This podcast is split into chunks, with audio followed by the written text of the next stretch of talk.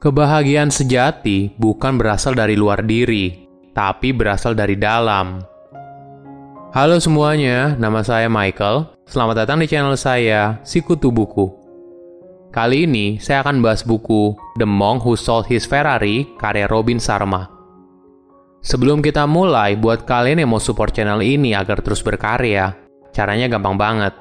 Kalian cukup klik subscribe dan nyalakan loncengnya Dukungan kalian membantu banget supaya kita bisa rutin posting dan bersama-sama belajar di channel ini. Buku ini membahas soal kebahagiaan sejati bukan berasal dari material duniawi, tapi berasal dari dalam diri. Bagi beberapa orang, mungkin hal ini terdengar klise. Hal ini karena kita terbiasa untuk terpesona dengan hal di luar diri, seperti kekayaan, ketenaran, dan barang mewah. Tapi, apakah hal ini membuat kita bahagia?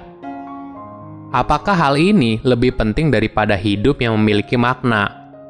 Apakah semua hal duniawi lebih penting daripada kesehatan dan hubungan baik dengan orang yang kita cintai? Mungkin kita merasa hal duniawi tidak lebih penting, tapi apakah kita benar-benar yakin atas hal ini? Robin menggunakan sebuah cerita fiksi agar kita mengetahui perbedaannya dan bagaimana cara kita bisa memiliki makna hidup sejati yang akhirnya membawa kita pada kebahagiaan.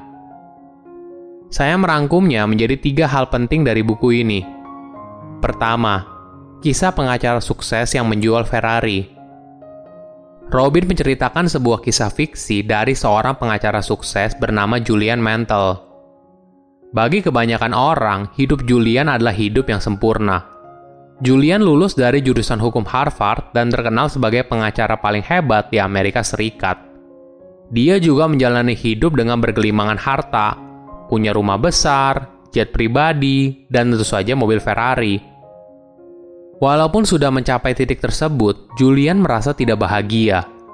Dia menginginkan sesuatu yang lebih lagi, lebih terkenal, lebih banyak uang, hingga akhirnya dia harus bekerja hampir 18 jam sehari semua hal ini memberikan dampak buruk pada kehidupan pribadi dan kesehatannya. Julian jarang sekali berkomunikasi dengan keluarganya, hingga akhirnya dia bercerai dengan istrinya. Selain itu, tekanan kerja yang tinggi dan stres luar biasa membuat wajahnya seperti orang berusia 80 tahun, padahal usianya baru 53 tahun. Hingga suatu hari di ruang sidang, Julian merasakan rasa sakit di dadanya dan seketika dia pingsan. Julian langsung dilarikan ke rumah sakit dan dia didiagnosa terkena serangan jantung. Ketika dia sadar, dokter menyarankan Julian untuk jangan bekerja terlalu keras. Sebagai konsekuensinya, dia juga diminta untuk mengundurkan diri dan hidup tenang menikmati hasil kerjanya selama ini. Julian tidak menyangka akan hal ini, Kemudian dia merenung selama beberapa hari hingga akhirnya dia mengambil sebuah keputusan besar. Di suatu pagi, Julian memutuskan untuk menjual semua barang miliknya. Rumah mewah, jet pribadi, dan bahkan mobil Ferrari kesayangannya. Ketika dia sudah menjual semuanya, Julian pergi untuk mencari makna hidup yang sejati.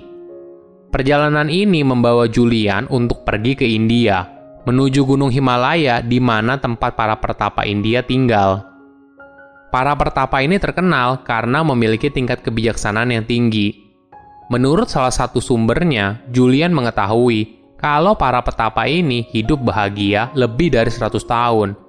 Walaupun usianya menua, tapi mereka masih punya energi seperti anak muda.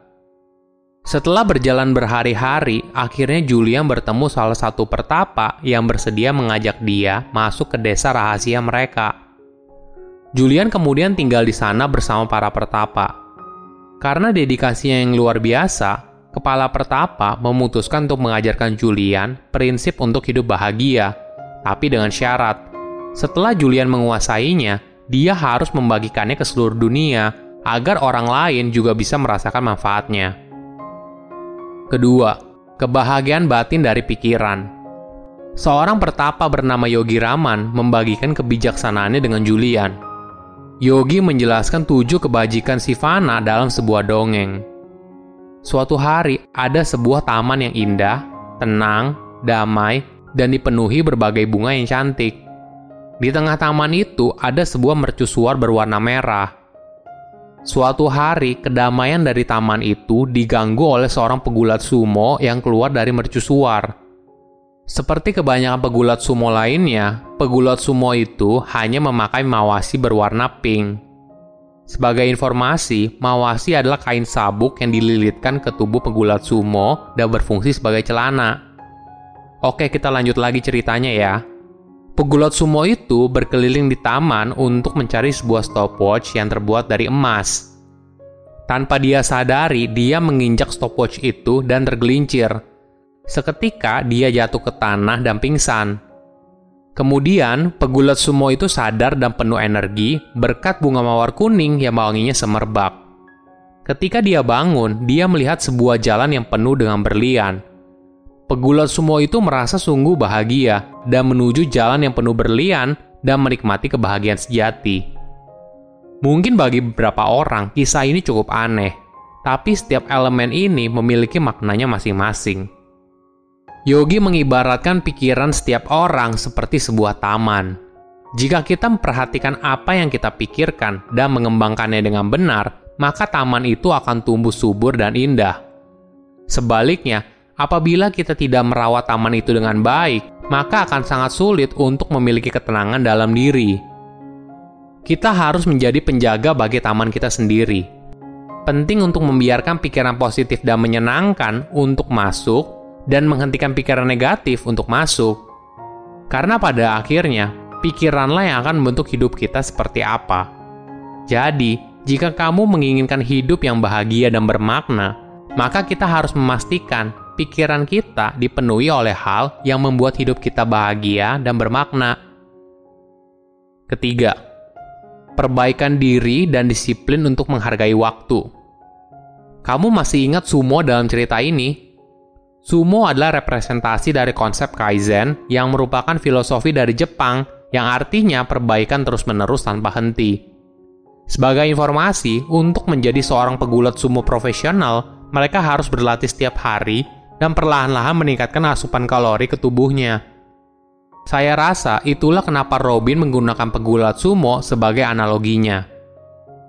Perlu kamu sadari, kalau kesuksesan dimulai dari dalam. Kamu tidak akan bisa berubah jika kamu tidak berubah. Seperti halnya seorang tukang kebun yang terus merawat dan menjaga tamannya, maka kamu harus juga selalu bertumbuh. Selain perbaikan diri, Robin juga menekankan soal disiplin. Robin menjelaskannya dengan menggunakan perumpamaan pegulat sumo yang hanya memakai mawasi berwarna pink. Mawasi ini merupakan representasi dari pengendalian diri dan disiplin. Sebagai informasi, mawasi dibentuk dari benang tipis yang dirajut satu sama lain sehingga membentuk sebuah kain yang kuat.